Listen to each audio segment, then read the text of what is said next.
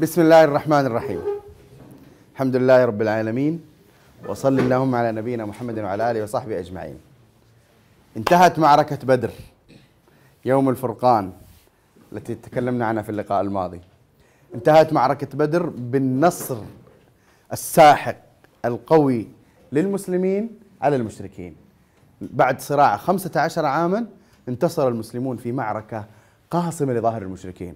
أبو جهل عتبة بن ربيعة شيبة بن ربيعة أمية بن خلف الناس الكبار هذول كلهم قتلوا في معركة بدر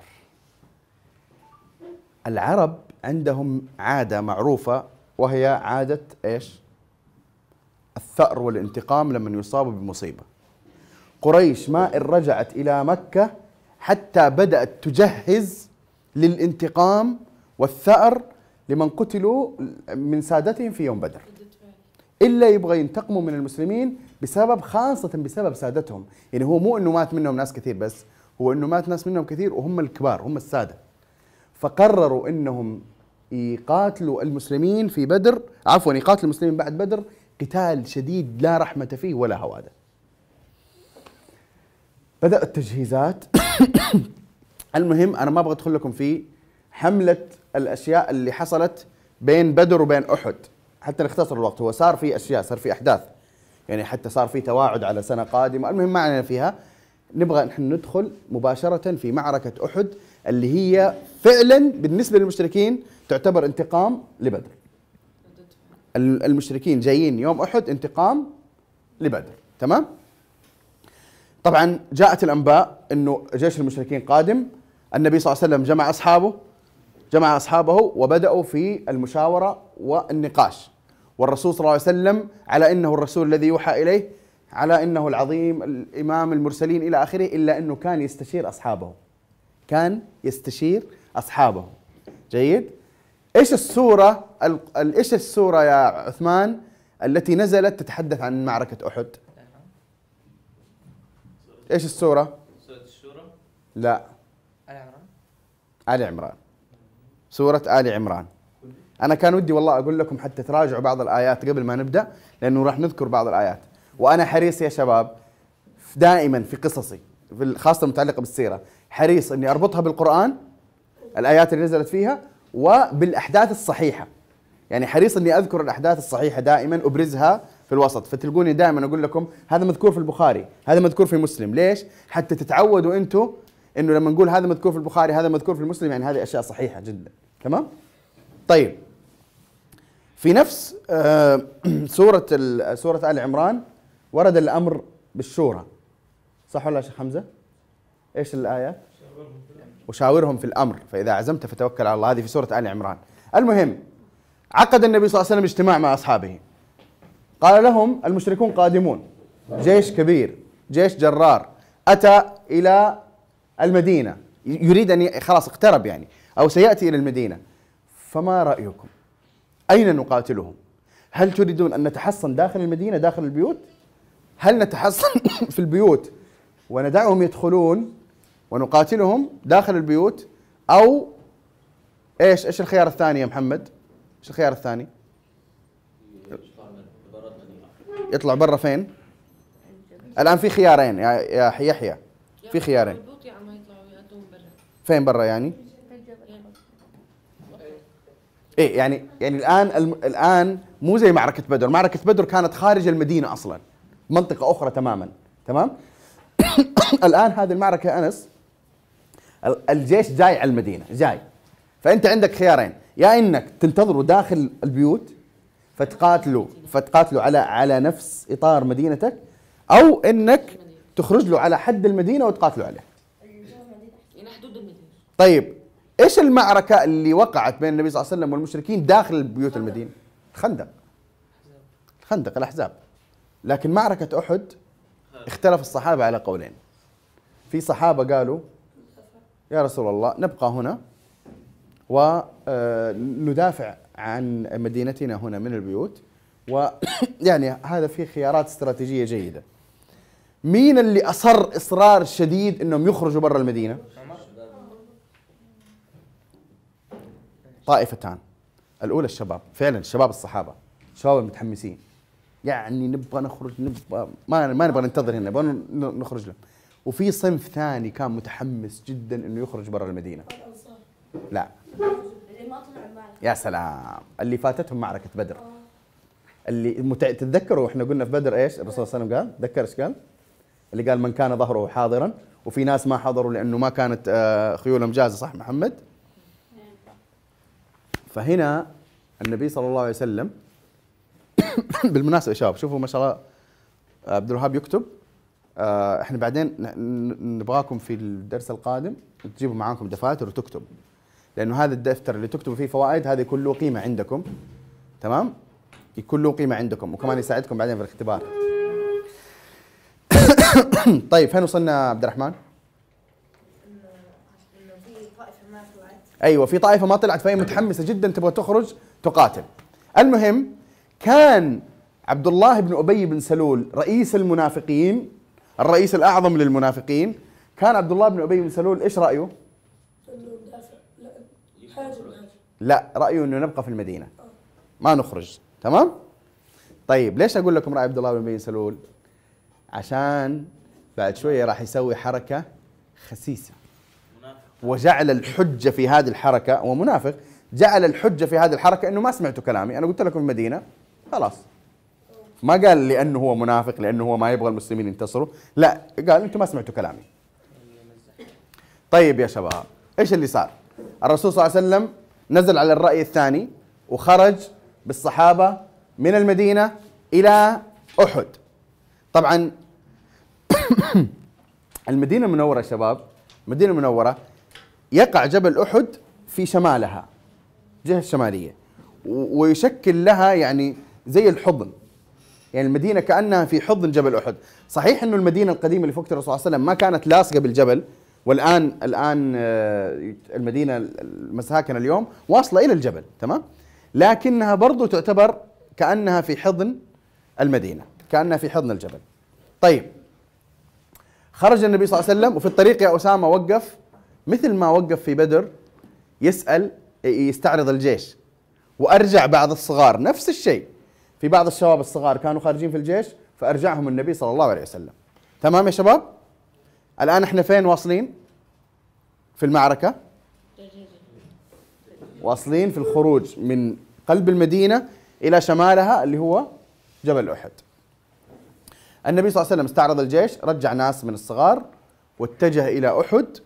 وأخذ مكان مكان استراتيجي مكان مناسب جدا. طيب خليني أحاول أرسم لكم المكان بس يمكن تشوفوا ما تشوفوا. طبعا أنا رسمي تعبان لكن على الأقل نتصور الوضع. الآن هذا جبل أحد. وهذا جبل الرماة. هنا جيش المشركين. الحين أوريكم الصورة. وهنا جيش المسلمين. هذا يعني مو رسم بس يعني شيء توضيحي. هذا جبل أحد صاير عن يمين المسلمين. هنا جيش المسلمين. هذا هذا الصفوف جيش المسلمين. تمام؟ شايفين يا شباب؟ وهذا جيش المشركين جاي من هذا الاتجاه. فين المدينة جيش المسلمين تحت ورا هيك يا سلام عليك. المدينة هنا تحت إحنا قلنا هذا شمال. إذا هذا شمال جبل أحد يعني جنوب هنا مدينة. تمام؟ هذه المدينة تحت هنا شايف محمد ولا لا؟ شايف ولا لا؟ ماني شايفك تشوف. تمام؟ هنا المدينة. هذه المدينة. هذا جبل أحد. طب هذا إيش إيش الجبل الصغير هذا؟ إيش هو يا يحيى؟ جبل الرماة. تمام؟ جبل الرماة. طيب إيش الفكرة؟ الرسول صلى الله عليه وسلم أراد إنه يضيق إنه يضيق الأماكن اللي ممكن يصير فيها حيل حربية من المشركين عليه تمام؟ فجعل اليمين هذا كله جبل. يعني المشركين حصرهم ما يقدروا يجوا إلا من اتجاه واحد وخذوا قاعدة. إذا في مواجهة بين المسلمين الصادقين وبين المشركين بنفس الأدوات بنفس الأسلحة أمام بعض فلا يمكن لأحد أن يثبت أمام المسلمين. لا يمكن أن يثبت أحد أمام المسلمين. ان يكن منكم عشرون صابرون يغلبوا 200 وان يكن منكم 100 يغلبوا ألفا من الذين كفروا بأنهم قوم لا يفقهون. الآن خفف الله عنكم وعلم أن فيكم ضعفا. فإيكم منكم مئة صابرة يغلبوا مئتين وإيكم منكم ألف يغلبوا ألفين. الرسول صلى الله عليه وسلم جعل هنا على هذا الجبل 50 على هذا الجبل جعل خمسين شخص. خمسين شخص يتميزون بإيش يا عبد الله؟ بالرمي. رمي السهام. طيب. وهنا جيش المسلمين هنا أصلا حماية حماية واضحة من الجبل ما يقدر المشركين يجوا من هنا. الخيار الوحيد إنه ممكن يجوا المشركين من الخلف ويلتفوا من هنا ضد المسلمين. مين اللي حيمنعهم؟ الرماة. الرماة هنا يقدروا يغطوا هذه المنطقة يغطوا هذه المنطقة الخلفية تمام؟ وحتى يقدروا يغطوا من بدري يقطعوا الطريق إذا في أحد بيلتف. حلو؟ خلينا نشوف. ها المشركين بيشتغلوا ينزلوا على مد- في المدينة الأول قبل ما يروحوا يقاتلوا آه سؤال وجيه جدا لكن آه يعني رب ربما من الأشياء ال- الظروف الطبيعية أصلا. يعني المدينة أصلا محمية بظروف طبيعية. جيد؟ وهم ما هم جايين عشان يعني يدخلوا بسرعة المدينة ويخرجوا لا هم جايين يكسروا جيش المسلمين. يعني مو هي الفكرة إنهم يروحوا للنساء والأطفال ويأخذوهم ويخلصوا ويمشوا. لا هي الفكرة إنهم ينتقموا يأخذوا بثأرهم. لذلك مثلا آه مثلا تعرفوا وحشي؟ وحشي؟ وحشي آه كان في توصية من معركة بدر في توصية خاصة من معركة بدر هو كان عبد. إنه إنه يروح يقتل حمزة بعينه. حمزة في جيش المسلمين. المهم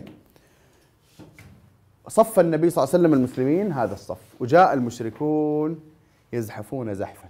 مو زحف يعني على الأرض زحف. جيش يزحف. يزحف الجيش يا حذيفة ثلاثة آلاف مقاتل. قبل ما عفوا قبل ما يصف النبي صلى الله عليه وسلم الصف أول ما خرج من المدينة من البيوت رايح لل... للمكان الحرب عبد الله بن أبي بن سلول رجع. رجع ومعاه كم واحد؟ 200 تقريبا قرابة 300 شخص. جيش المسلمين كم؟ ألف. رجع عبد الله بن أبي بن سلول بثلث الجيش. إيش حجته؟ أنا رأيي كان إنه نجلس في المدينة. أنا صراحة يعني أنا ما أشوف إنه إحنا نقاتل برا. طيب ليش أصلا أنت خرجت مع الجيش؟ ليش خرجت مع الجيش ولما الناس حسوا بالعدد وتق- وتقووا وشافوا الأمور كويسة؟ فأنت سحبت نفسك. طيب الله سبحانه وتعالى ذكر في القرآن الكريم إنه في طائفتين من المؤمنين يعني قبيلتين من البقية من السبعمية. بسبب هذا الانسحاب كادوا أن ينسحبوا. كادوا أن ينسحبوا. هم مؤمنين مو منافقين. ليش؟ لأنه الحركة هذه تفت في عضد المسلمين. يا سلام عليك. إذ هم الطائفتان منكم أن تفشلا بس الصحابة جميلين جدا.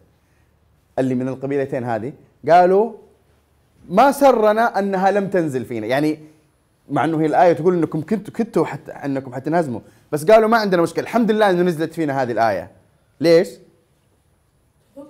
لا أكمل الآية. إذ هم الطائفتان منكم أن تفشلا والله وليهما. قالوا عشان الله قال والله وليهما. الحمد لله إنه نزلت فينا الآية هذه. فهمتوا الفكرة؟ يعني ما همهم انه إنه كان لا قال ما دام الله قال انه هو الله وليهما الحمد لله. تمام. نزلت فينا هذه الآية. فهمت يا يحيى؟ طيب يا حبيب راحوا. بدأ بدأ ال ال ال بدأ الجيشان الآن يتراءان يتراءيان وصار كل واحد أمام الثاني والنفوس بدأت تتحفز للقتال. 700 مقابل 3000 هنا النبي صلى الله عليه وسلم أخذ السيف. أخذ سيف. لا. قال من يأخذ مني هذا السيف. جاء الصحابة كثير قالوا أنا يا رسول الله. تمام يا عثمان؟ أنا يا رسول الله. أنا يا رسول الله. الرسول صلى الله عليه وسلم لم يعطه أحدا. قال من يأخذ مني هذا السيف بحقه. بحقه. يعني يأخذ يأخذ يأخذ م- ما يخلي ما يخلي أدنى طاقة لديه يمكن أن يقاتل بها بهذا السيف إلا يفعل. فقام أبو دجانة اسمه سماك صحابي رضي الله تعالى عنه. قام أبو دجانة فقال أنا يا رسول الله. هذا الحديث في صحيح مسلم تمام؟ أعجبني وصف الراوي ما أدري اللي يقدر يفهم منكم الجملة. أنا أطربتني جدا يعني لها تعبير لغوي. يعني تخيلوا ممكن يقول لك فأخذ السيف فقاتل به المشركين قتالا شديدا. هذه جملة عادية. هو عبر عنها بجملة ج- يعني بيانية رهيبة. عبرت عن إيش سوى أبو دجانة؟ ك- جملة مختصرة جدا. قال فأخذ السيف ففلق به هام المشركين. ففلق به هام المشركين. عاد انت شوف تخيل إيش كيف فلق هام المشركين. بس جملة يعني رهيبة رهيبة جدا تعبر عن إيش عمل أبو دجانة بهذا السيف. طيب لسه ما بدت المعركة. الآن صفت ال- ال- الصحابة الصحابة طبعا يعني معنوياتهم عالية توهم خارجين من معركة انتصروا فيها نفسياتهم مرتفعة معاهم. الرسول صلى الله عليه وسلم مؤمنين إيمان تام إنه الله راح ينصرهم والترتيب الجيش وتوزيعه مرة كويس. الجبل يمين الرماة عن يسار الصحابة أبطال. عندك حمزة علي بن أبي طالب مصعب بن عمير أبطال المسلمين عمر بن الخطاب بكر الصديق سعد بن أبي وقاص طلحة الزبير بن العوام. يعني أبطال العالم مو أبطال المسلمين. أبطال الأرض موجودين في ذلك الجيش. تقدم اثنين من المشركين للمبارزة من بني عبد الدار من حملة اللواء. قدم واحد خرج له علي بن أبي طالب طير رأسه. تقدم ثاني خرج له حمزة طير رأسه. بدأت المعركة. والتحم الصفان. وما تسمع إلا إيش تسمع؟ صوت السيوف. وصريخ الرجال ورمي الرماح وصوت النبال والأسهم. وإذا نظرت من بعيد سترى الجلب والغبار الذي ملأ المكان. حرب حرب حرب حرب طاحنة. طا طي طا الله أكبر وقتال وهذا يرفع السيف وهذا يرمي الرمح وهذا.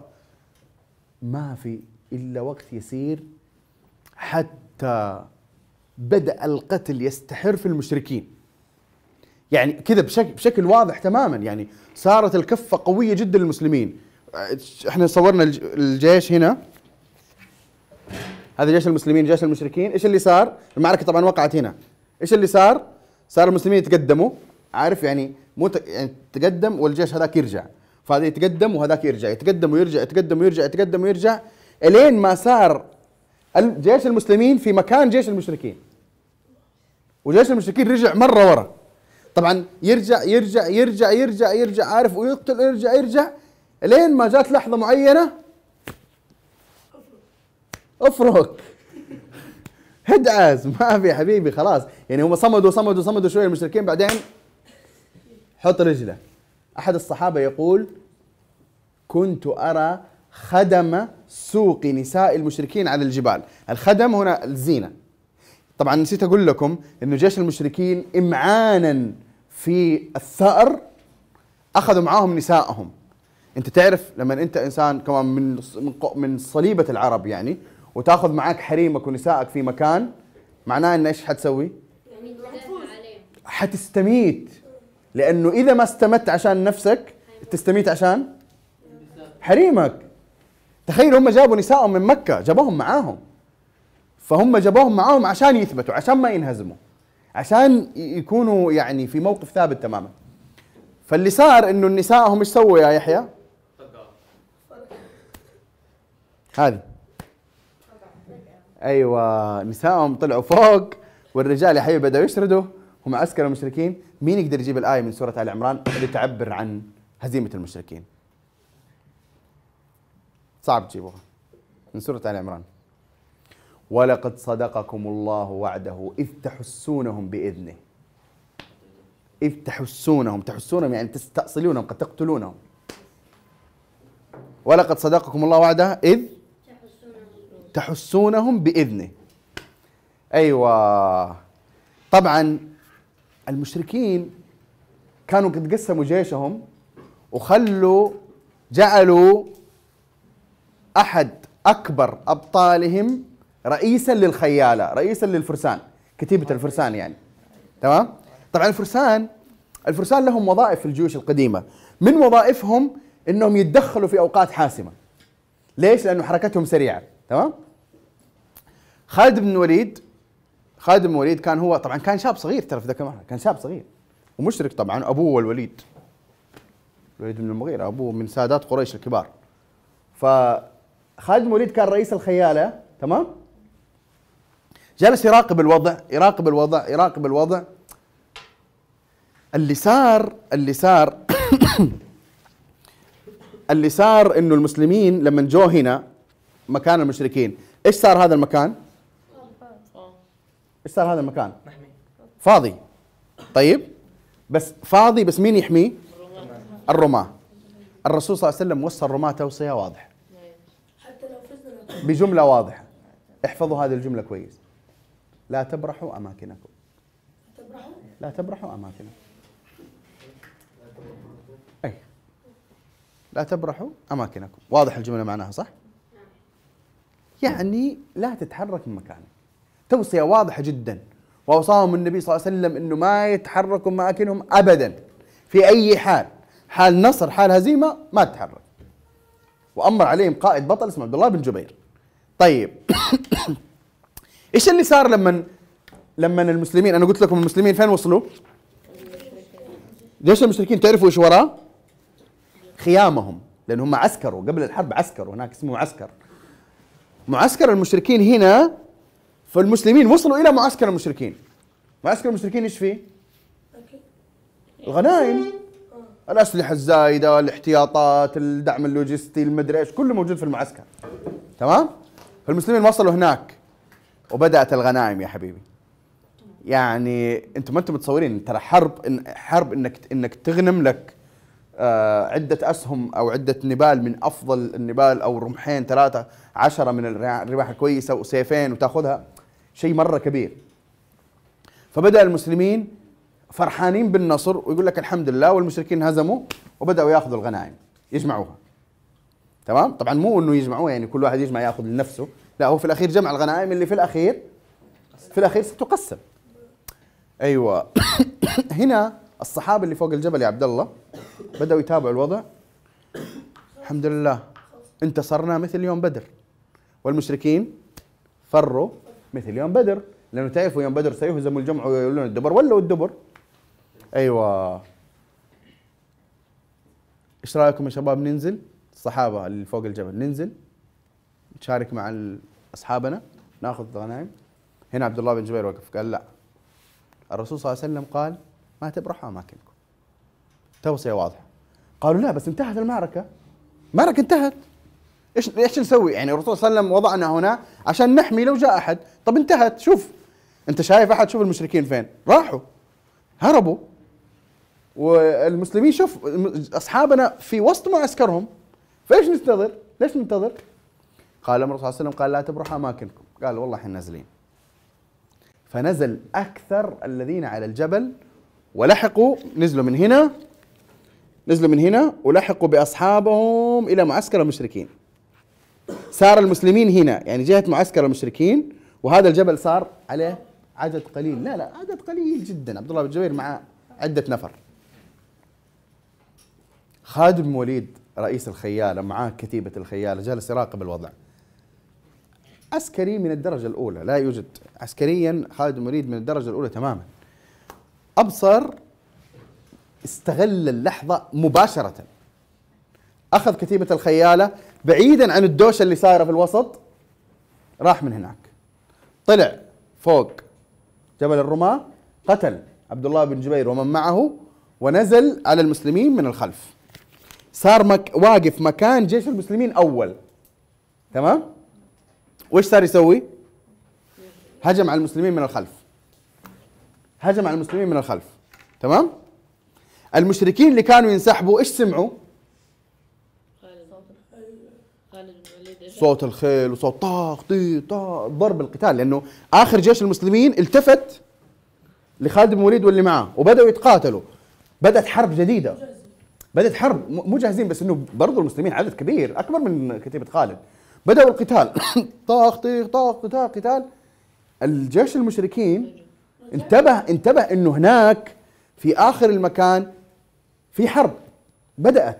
في امل في عمل. فقامت واحدة من نساء المشركين التقطت ال ال الراية اللي سقطت. التقطت الراية وحملتها فوق. بدأ المشركين ينتبهوا إنه وا- وا- والله في أمل. فصاروا يعني إيش؟ يتنادوا إنهم يرجعوا. يرجعوا. فبدأوا يرجعوا وهذولاك خالد الوليد اللي معاه ثابتين في أماكنهم بالخيول كمان ويضغطوا. وهذول المشركين بدأوا يتجمعوا يتجمعوا ويرجعوا. إيش صار المسلمين؟ حاصرين في النص. من هنا الخيول ومن هنا الجيش الكبير رجع لهم. لا تسأل إيش صار. لا تسأل إيش. يعني لحظات لا يمكن أن توصف. لا يمكن أن توصف. أنت ما تخيل ما تخيل الآن. ضرب ضرب ضرب ضرب والناس صارت تقتل. حتى إنه بعض المسلمين قتل خطأ بسيف المسلمين. تخيل. تعرفوا مين؟ والد حذيفة بن اليمان. حذيفة الصحابي المعروف. أبوه اليمان. ليش قتل؟ اليمان بعض المسلمين ما عرفوا لأنه هو لحق. من المدينة جاء متأخر. هو أصلا كبير في السن. وفي قصة جميلة بينه وبين واحد صحابي آخر كبير في السن. لما قالوا يعني قالوا يعني نشارك ما نشارك فشاركوا رجوا إنهم يشاركوا ب ب إنهم يصلوا يعني إلى إلى درجة كويسه. طيب المهم شارك آه، حذيفة بن ال- اليمان دخل في في الحرب وقتل بسيف بعض المسلمين اللي ما عرفوه لأنهم ما كانوا متابعينه. ما كانوا عارفين إنه معاهم من اول وهذا كله بسبب بسبب أصلا الاختلال اللي حصل هنا حدث حدث خطير جدا جدا جدا. قبل إصابة الرسول صلى الله عليه وسلم. مصعب بن عمير. أيوه. مصعب بن عمير كان شبيه النبي صلى الله عليه وسلم خاصة إذا لبس لأمة الحرب. يعني إذا لبس لباس الحرب والجيش يشبه النبي صلى الله عليه وسلم. فمصعب بن عمير الصحابي اللي أسلم مبكرا اللي أرسل الرسول صلى الله عليه وسلم إلى المدينة ليدعو المدينة. مصعب مصعب اللي له في الإسلام شأن عظيم قتل. استشهد. لما استشهد شافوه بعض الناس من المشركين وحسبوه من؟ النبي صلى الله عليه وسلم. فقالوا قتل محمد قتل محمد قتل محمد قتل محمد. المعنويات ارتفعت للمشركين المسلمين. قتل رسول الرسول صلى الله عليه وسلم قتل إيش اللي صار؟ لا مو المهم اجتمع عليهم الغم والقتل اللي حاصل فيهم. فما اللي مو مصدق واللي مصدق بس مو مستوعب واللي مستوعب بس إنه مو قادر يتحمل. فحصل إنه مجموعة من المسلمين إيش سووا؟ فروا. فروا من الزحف. فروا من الزحف. وهذا طبعا ذنب. شوفوا خذوا قاعدة. الرسول صلى الله عليه وسلم لا يمكن لا يمكن أن يفر من الزحف. لو كان خمسة معاه وستين مع المشركين لا يمكن. فاللي حصل بعد ما قتل مصعب بن عمير وصارت هذه الدوشة وفر مجموعة من المؤمنين الله ترى سجل هذا الموقف في القرآن. إن الذين تولوا منكم يوم التقى الجمعان إنما استزلهم الشيطان ببعض ما كسبوا ولقد عفى الله عنهم. هذا في سورة آل عمران اللي فيها قلنا نزلت في معركة أحد. حصل حدث آخر كبير وضخم ومخيف جدا جدا جدا. وهو أن أسد الله حمزة اللي كان في تلك اللحظات اللي لحظات اللي حصل فيها اختلال كان أكثر واحد في المسلمين جالس يدافع. أكثر واحد. جالس يقاتل قتال ما هو غير عادي ابدا. في تلك اللحظة كان وحشي ما عنده هدف في المعركة هو أصلا ما شارك في المعركة هو مختبئ خلف صخرة بس يترصد لحمزة يبغى يصير حر هو عبد يبغى يقتله عشان سي يعتق ويصير حر. فجالس يتربص يتربص يتربص يتربص يتربص إلين ما وجد ثغرة فرصة فرمى حمزة رضي الله تعالى عنه برمح فقتله. الله الله مصعب بن عمير قتل وحمزة رضي الله تعالى عنه قتل والصحابة كثير من بدأوا يقتلوا وقيل إن النبي صلى الله عليه وسلم مات نفسية وفر جماعة هنا ظهر البطل مين يعرف اسمه؟ لا هذا بعدين بعدين لسه لسه ما جات ما جات حادثة النبي صلى الله عليه وسلم واللي معاه سوى بطل؟ اللي اللي كان عنده عهد مع الله انه إنه لئن لقيت المشركين ليرين الله ما أصنع. أنس؟ بن أنس بن النضر. أنس بن النضر. هذا هذه قصة صحيحة في البخاري. أنس كان من اللي ما حضروا بدر.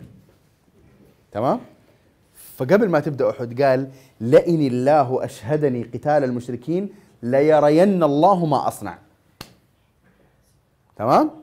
لما حصلت ال... حصل الاختلال وفر الصحابة مجموعة من الصحابة للمدينة واختل قال كلمة مشهودة معروفة مسجلة في صحيح البخاري. قال اللهم إني أبرأ إليك مما صنع هؤلاء. اللي هم مين؟ لا.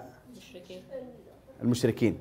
اللهم إني أبرأ إليك مما صنع هؤلاء وأعتذر إليك مما صنع هؤلاء.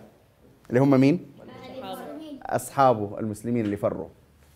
ثم تقدم. يعني هم أصلا المسلمين محصورين في في مجموعه في نطاق معين وفي اختلال معين. هو راح تقدم تقدم. مين كان في الحد الأخير اللي انتبه له إنه ماشي؟ واحد بطل من الأبطال الكبار اللي ذكرناه في معركه بدر سعد بن معاذ. قال إلى أين يا أنس بن النضر؟ خلاص رايح. إلى أين يا أنس بن النضر؟ فقال أنس بن النضر واها لريح الجنة. إني لأجد ريحها دون أحد. وما رضي إنه يقف. وتقدم فقاتل حتى قتل. طبعا مو قاتل حتى قتل قاتل حتى قتل إلى درجة إنه لم يستطع أحد أن يعرف من هو هذا المقتول. بعدين بعد المعركة ما عرفته إلا أخته بإيش؟ بإصبعه. تصورين؟ تص- أنت بتصور إنه إنسان ما ينعرف إلا بإصبعه. مو قصف ولا حريق ولا شيء. لا لا قتال قتال. يعني درجة الصمود اللي سواها وال- واللي تقدم لها إنه جلس ينضرب بالسيوف وبالرماح ينضرب ينضرب إلين ما بقي شيء ممكن يعرف فيه. يعني يمكن أكل له خمسة ضربات على وجهه وستة ضربات على رأسه وسبعة في ظهره وفي كتفه وفي صدره وفي وهو ثابت يقاتل يقاتل يقاتل إلى أن قتل. ولم يعرفه أحد إلا أخته عرفته بإصبعه. بس. تصورين؟ هذا ثبات الصحابة. تعرفوا وهذا أعظم شرف يمكن أن يكون للإنسان إنه أنس بن النضر نزلت فيه آية في القرآن؟ نزلت فيه آية في سورة الأحزاب. آية يا شيخ لو يصير فيك إيش في الدنيا بس تنزل فيك هذه الآية أنت أسعد إنسان. آية عظيمة جدا تمثل الحال تماما القصة اللي قد قلت لكم إياها. وهذه بالمناسبة أيضا في صحيح البخاري. الراوي قال نزلت فيه وفي أصحابه. إيش هي الآية؟ من المؤمنين رجال. صدقوا ما عاهدوا الله عليه. فمنهم من قضى نحبه ومنهم من ينتظر. وما بدلوا تبديلا. من المؤمنين رجال. صدقوا ما عاهدوا الله عليه. إيش العهد اللي قدمه أنس؟ لئن الله أشهدني قتال المشركين ليري ليري ليرين الله ما أصنع. يعني راح راح تشوفوا إيش راح يصير. وأعاهد الله أن أقاتل قتالا لا يقاتله أحد. وفعلا أنس بن النضر صدق في هذا في هذه القضية. اللي حصل الآن بعد هذا الاختلال إنه النبي صلى الله عليه وسلم مع المجموعة اللي حوله بدأ أعطيني الرسمة. شوف كيف صارت. الرسمة. طيب. هنا. اللي صار إنه يعني شوفوا ترى هو جبل أحد ترى هو مجموعة مجموعة أجزاء متصلة بطريقة يعني خلفية يعني فهو لا هو مو متفرقة بس إنه فيها دخلات. ففي هنا مثلا وبعدين تلقاه آه، يدخل كذا بعدين كذا بعدين مثلا هنا يصير في ساحات صار صار شو اسمه ذيك اللي يأكلوها في الفطور ما أدري إيش المهم إنه في واحدة من الفراغات واحدة من الفراغات في جبل أحد اسم وادي يعني؟ اي زي الوادي اسمه شعب. لا الوادي الوادي يكون مفتوح. يعني مفتوح من الجهتين ويكون بين جبلين منفصلين. هذا الوادي.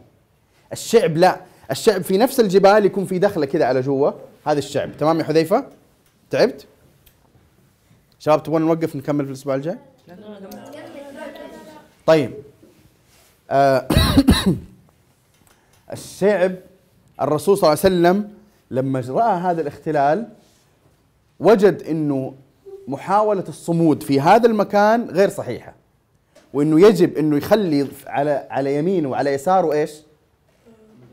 جبل. لأنه هو الآن كان على يمينه الجبل وعلى يساره مين؟ رمى الرماة. كان يسار الرماة بس الحين انكشفوا ما عاد في رماة وحصروا من كل مكان فالرسول صلى الله عليه وسلم بدأ ينزاح يعني إحنا قلنا هنا جيش المسلمين هنا جيش المشركين على يمينهم جبل أحد صح؟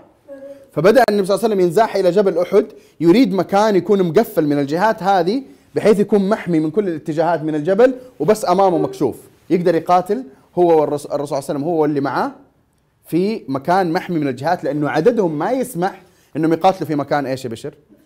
مكشوف ما يقدر. يعني انت لو يقاتل في مكان مكشوف يطوقوه وإذا طوقوه ما يقدروا يقاوموا. فلازم يقفل عليهم فكرة التطويق ويقاتل بس من اتجاه واحد. يعني اللي يجي يقاتلوا معاه اللي يجي يقاتلوا معاه اللي يجي يقاتلوا معاه. ففعلا النبي صلى الله عليه وسلم بدأ ينز- ينزاح ويحتمي بالجبل. بس عشان يوصل من ساحة المعركة إلى بطن الشعب إلى جوة الشعب لازم هو ما هو ماشي كذا يعني في براح. يعني هو هو ماشي في في في في طرف الحرب. جيد؟ في رجل خبيث اسمه أبو عامر الفاسق سموه الفاسق الصحابة. هذا كان حفر حفر في ساحة المعركة زي الكمائن يعني حفر عشان يطيحوا فيها المسلمين. تمام؟ فالرسول صلى الله عليه وسلم وهو ينسحب سقط في واحدة من هذه الحفر. وفي تلك اللحظة لحظة الانسحاب انتبه المشركون إن النبي صلى الله عليه وسلم منسحب الاحتماء والاحتياز. انتبه المشركون انه النبي صلى الله عليه وسلم إيش جالس يسوي؟ جالس ينتقل من معمعة الحرب إلى الجبل. فمباشرة فطنوا له وصاروا يلاحقوه. وصار الانس... الإح... الانحياز هذا صار الانحياز. وهو إيش جالس يصير؟ الانحياز جالس يصير قتال. تمام؟ فجي انحياز وهذا يجي ويقاتلوا ويرجعوا ينحازوا ويقاتلوا وينحازوا ويقاتلوا وينحازوا. وهنا أصيب النبي صلى الله عليه وسلم. أصيب النبي صلى الله عليه وسلم. وجهه جرح. جرح جرح جرحا شديدا النبي صلى الله عليه وسلم. والبيضة هشمت على رأسه. هاي البيضة اللي هي الخوذة تخيلوا يعني جات ضربة للنبي صلى الله عليه وسلم قوية بحيث إنه الدرع نفسه تكسر. الخوذة تكسرت. جيد؟ وشج وجه النبي صلى الله عليه وسلم. وهناك قال النبي صلى الله عليه وسلم كما في صحيح البخاري كيف يفلح قوم شجوا نبيهم؟ وأيضا وأيضا تمثل تمثل بقول أحد الأنبياء أو عفوا تمثل بقول آه، بقول الآن س- سأذكره لكم آه، حين دميت إصبع النبي صلى الله عليه وسلم فقال هل أنت إلا إصبع دميت وفي سبيل الله ما لقيت المهم آه، أخذ النبي صلى الله عليه وسلم ينحاز ومن هنا من هنا من قصة الإنحياز إلى نهاية المعركة إذا قلتم إيش عنوان هذه؟ إيش عنوان المعركة؟ البطولات. البطولات الفردية للصحابة، هنا في بطولات خرافية. بطولات لا تصدق. البطولات إيش كان هدفها؟ حماية النبي صلى الله عليه وسلم. صار في بطولات في هذا المكان لا يمكن أن تتخيل. هدفها الوحيد هو إيش؟ حماية النبي صلى الله عليه وسلم من أن ينال بسوء أو من أن يقتل. وهنا لمعت أسماء لمعت أسماء يعني لا يضرها بعد ذلك إيش إيش يعني حتى لو وقع منهم ذنب حتى لو وقع منهم خطأ.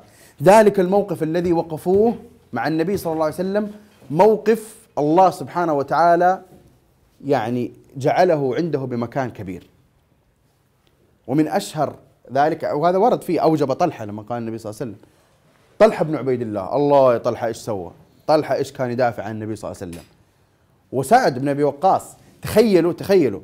الرسول صلى الله عليه وسلم وهو لما وصل للشعب صار يرفع راسه ينظر إيش إيش اللي صاير وكذا فسعد يقول له لا ترفع رأسك يا رسول الله لا يصيبك سهم من سهامهم.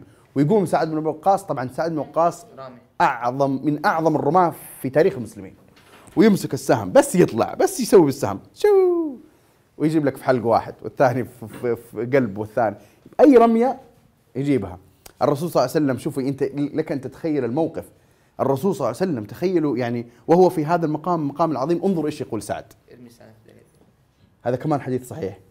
وسعد يرمي فالرسول صلى الله عليه وسلم يقول له ارمي سعد فداك أبي وأمي ارمي سعد فداك أبي وأمي ارمي سعد فداك أبي وأمي. وسعد يرمي يرمي يرمي ويدافع عن النبي صلى الله عليه وسلم. كان حول النبي صلى الله عليه وسلم يمكن تسعة من الأنصار. فجاءت كتلة من المشركين قربت. فالنبي صلى الله عليه وسلم قال من يقاتلهم وهو رفيقي في الجنة أو كما قال النبي صلى الله عليه وسلم نسيت إيش قال بس مثل هذا النص إنه وهو رفيقي في الجنة أو شيء زي فتقدم رجل من الأنصار فقاتلهم حتى قتل من يتقدم؟ قد- تقدم الأنصار الثاني، طبعا هو اثنين من المهاجرين وتسعة تقريبا أو سبعة من الأنصار. وتقدم وتقدم وتقدم وتقدموا قتل الأنصار كلهم اللي معه. سبعة كلهم قتلوا، بقي مع النبي صلى الله عليه وسلم اثنين من المهاجرين فقط. سعد بن وقاص ومين؟ يمكن أظن طلحة طبعا هو إيش اللي صار؟ اللي صار إنه جيش المسلمين اللي ثبتوا اللي ثبتوا متفرقين يعني مو كلهم شافوا النبي صلى الله عليه وسلم منحاز بعد الانحياز والصمود هذا بدأ المسلمين الثابتين اللي ما هربوا بدأوا يتسامعوا إنه النبي صلى الله عليه وسلم فين؟ عايش في الشعب وعايش وما قتل وهناك وبدأوا كله ها ترى هناك الرسول صلى الله عليه وسلم ترى ها وبدأوا يرجعوا يرجعوا يروحوا للنبي صلى الله عليه وسلم فهنا جاء أبو بكر الصديق مكان ما, ما هرب طبعا أبو بكر أبو بكر الصديق وجاء عمر وجاء أبو بكر وعمر خاصة جو هنا في في هذه اللحظات. يعني بس بعد متى؟ ما كانوا من اللي انتبهوا إنه النبي صلى الله عليه وسلم انحاز مبكرا. فهم لحقوا. أول شيء كان سعد وطلحة وأبو عبيده بن الجراح. أبو عبيده بن الجراح كان من أكثر اللي ثبتوا مع النبي صلى الله عليه وسلم في ساعة الشدة الشديدة مرة. تمام؟ وقلت لكم السبعة من الأنصار ذول اللي قتلوا كلهم كلهم قتلوا. فهنا جاء أبو بكر وعمر وجاء الصحابة البقية وكلهم صاروا مع النبي صلى الله عليه وسلم. لما صار هذا الصمود كان هو سبب انتهاء المعركة. هذا الصمود كان هو سبب انتهاء المعركة. إيش؟ ليش؟ ليش يا يوسف. وخلاص ما عاد يقدروا يئسوا وإيش فكروا؟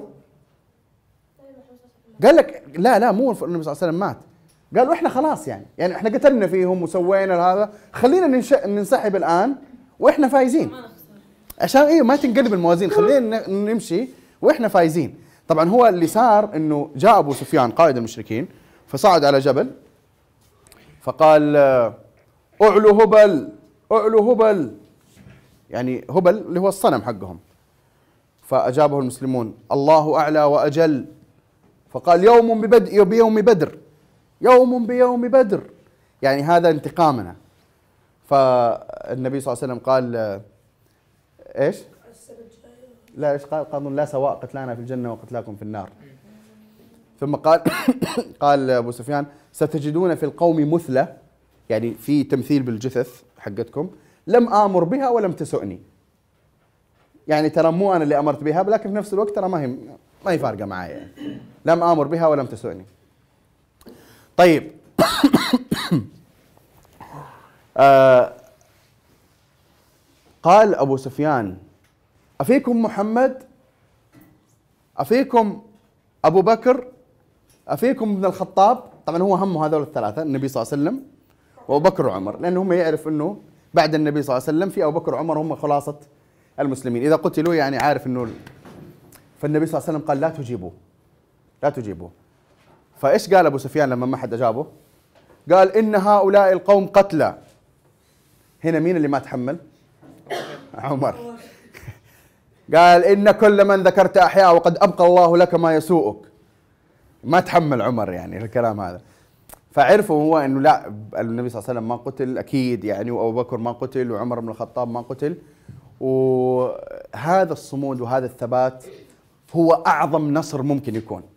لأنه النصر في الإسلام ليس أن تقتل أكثر. النصر في الإسلام ليس أن تأخذ غنائم أكثر. النصر في الإسلام هو أن تثبت على مبادئك.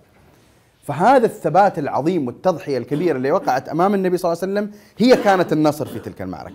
نعم في مقياس الأعداد وفي مقياس الغنائم وفي مقياس كذا مين اللي انتصر؟ المشركين. في مقياس الثبات والصبر والتضحية والبذل وعدم الفرار وعدم الانسحاب المسلمين النبي صلى الله عليه وسلم ومعه أصحابه. طبعا بعد أن مشى المشركون بدأ النبي صلى الله عليه وسلم وأصحابه ماذا يفعلون؟ يدف يدفنون الشهداء. وطبعا هنا جو جو الناس وجو أهل المدينة بعد الحرب وجو الصحابيات والنساء وبدأوا يحاولوا يتعرفوا على القتلى. صار في قتلى كثير يعني قرابة آه، السبعين تقريبا سبعين قتيل من الصحابة. منهم سادات مصعب بن عمير حمزة بن عبد المطلب وناس كثير من الصحابة. فهنا بدأ يعني بدأت الجراح وبدأ ال... النبي صلى الله عليه وسلم ما. ما نسي شهداء أحد أبدا في حياته. بعد أن دفنوا بعد أن دفنوا زارهم النبي صلى الله عليه وسلم قبل وفاته بأيام. وهل يعني يعني شوفوا بس هذا النص خلينا كمان إحنا تقريبا على شكل نختم أو خلاص حنختم. النبي صلى الله عليه وسلم كان أحيانا يتذكر بعد المعركة يقول أما إني وددت أني غودرت في نحس الجبل. يعني ود- وددت لو أنني قتلت مع أصحاب أحد. كان يتذكر النبي صلى الله عليه وسلم يقول وددت أني قتلت مع أصحاب أحد. كانت معركة أحد لها قيمة كبيرة عند النبي صلى الله عليه وسلم. الشهداء اللي قتلوا في أحد كان لهم قيمة كبيرة عند النبي صلى الله عليه وسلم. كان يذهب ويزورهم عليه الصلاة والسلام ويدعو لهم. ويعني كان لهم قيمة كما قلت قيمة قيمة مرة كبيرة عند النبي صلى الله عليه وسلم. ذلك اليوم يوم محفور في ذاكرة النبي صلى الله عليه وسلم. محفور في ذاكرة المدينة. هذاك اليوم منحوت في ذاكرة المدينة إلى اليوم. أنت إلى اليوم تذهب إلى ذلك الميدان ستجد جبل الرماة شاهدا على ثبات القلة الذين ثبتوا وشاهد على شؤم المعصية يا يوسف صح؟ لانهم عصوا الرسول صلى الله عليه وسلم. إيش سبب الهزيمة كلها؟ الرمان اللي عصوا الرسول صلى الله عليه وسلم. طب هل ذكر الله ذلك في القرآن؟ ذكر. ولقد صدقكم الله وعده إذ تحسونهم بإذنه. حتى إذا فشلتم وتنازعتم في الأمر وعصيتم من بعد ما أراكم ما تحبون منكم من يريد الدنيا ومنكم من يريد الآخرة. ثم صرفكم عنهم, عنهم ليبتليكم ولقد عفى عنكم. والله ذو فضل على المؤمنين. إذ تصعدون ولا تلوون على أحد. هذه حالة الفرار. والرسول يدعوكم في أخراكم. فأثابكم غما بغم لكي لا تحزنوا على فاتكم وما أصابكم ثم بعدين الآية اللي بعدها ثم أنزل عليكم بعد الغم أمنة نعاسة هنا التثبيت هنا الثبات. ثم أنزل عليكم من بعد الغم أمنة نعاسة. تخيلوا في ذلك المعركة في وقت الشدة الشديدة كان في بعض الصحابة يناموا. ليش؟ زي عثمان يا دحين كذا ينعس. بس دحين عثمان نايم عشان هو أصلا آمن يعني ما ما شاء الله جو كويس وكرسي وطاولة. لكن في وقت الحرب في وقت الحرب والشدة والقتال تخيل متصورين يا جماعة؟ مو تعب؟ هي هذه هذه من الله سبحانه وتعالى أمل. أنت أنت متى تنام؟ أنت لما تخاف تنام؟ ما تنام. طب في وسط المعركة و- وأنت تعبان وقتال شديد جدا و- وحرب ودماء وأيدي الطاير فتخيل أنت كذا حتى بعض الصحابه كان يقول سقط السيف من يدي عدة مرات من النوم. هذا اسمه أمن. أمان ينزله الله. يعني الأمان الذي يحصل في الجسم يجعلهم ينامون. تمام؟ ثم أنزل عليكم من بعد الغم أمنة إيش؟ نعاسا يغشى طائفة منكم. وطائفة قد أهمتهم أنفسهم يظنون بالله غير الحق ظن الجاهلية يقولون هل لنا من الأمر من شيء؟ قل إن الأمر كله لله. يبدون في في أنفسهم يخفون في أنفسهم ما لا يبدون لك. يقولون لو كان لنا من الأمر شيء ما قتلنا ها هنا قل لو كنتم في بيوتكم لبرز الذين كتب عليهم القتل إلى مضاجعهم. وليبتلي الله ما في صدوركم. وليمحص ما في قلوبكم والله عليم بذات الصدور. إن الذين تولوا منكم يوم التقى الجمعان إنما استزلهم الشيطان بعد ما كسبوا ولقد عفى الله عنهم والله غفور حليم. بعدين يا أيها الذين آمنوا صح؟ يا أيها الذين آمنوا ولا إن الذين؟ المهم بعدها؟ يا أيها الذين آمنوا لا تكونوا آه، كالذين كفروا وقالوا لإخوانهم إذا ضربوا في الأرض أو كانوا غزا لو كانوا عندنا ما ماتوا وما قتلوا قل فادروا عن أنفسكم موتا ليجعل الله ذلك حسرة في قلوبهم؟ والله يحيي ويميت والله بما تعملون بصير. ولئن قتلتم في سبيل الله أو متم لمغفرة من الله ورحمة خير مما يجمعون. ولئن متم أو قتلتم إلى الله تحشرون. بعدين بعدها بصفحة ونص الله سبحانه وتعالى أنزل وسام الشرف للذين قتلوا في تلك المعركة. فقال ولا تحسبن الذين قتلوا في سبيل الله أمواتا بل أحياء عند ربهم يرزقون فرحين بما آتاهم الله من فضله ويستبشرون بالذين لم يلحقوا بهم من خلفهم ألا خوف عليهم ولا هم يحزنون يستبشرون بنعمة من الله وفضل وأن الله لا يضيع أجر المؤمنين. إيش؟ الذين استجابوا لله والرسول من بعد ما أصابهم القرح. من هذه الآية راح نذكرها لكم إن شاء الله في اللقاء القادم. لأنه حصلت قصة تابعة لأحد حنقول لكم إيش هي بإذن الله تعالى وبهذا نكون قد انتهينا من غزوة أحد ومن القصة رقم كم تعتبر عندنا الآن؟ الثالثة في في أبجديات الثقافة الجيل الصاعد المتعلقة بالسيرة النبوية. اللقاء القادم يا حذيفة إن شاء الله عن إيش؟ عن غزوة أو معركة الخندق معركة الأحزاب ويمكن ناخذ معاها كمان شيء ثاني. وصلى اللهم على نبينا محمد.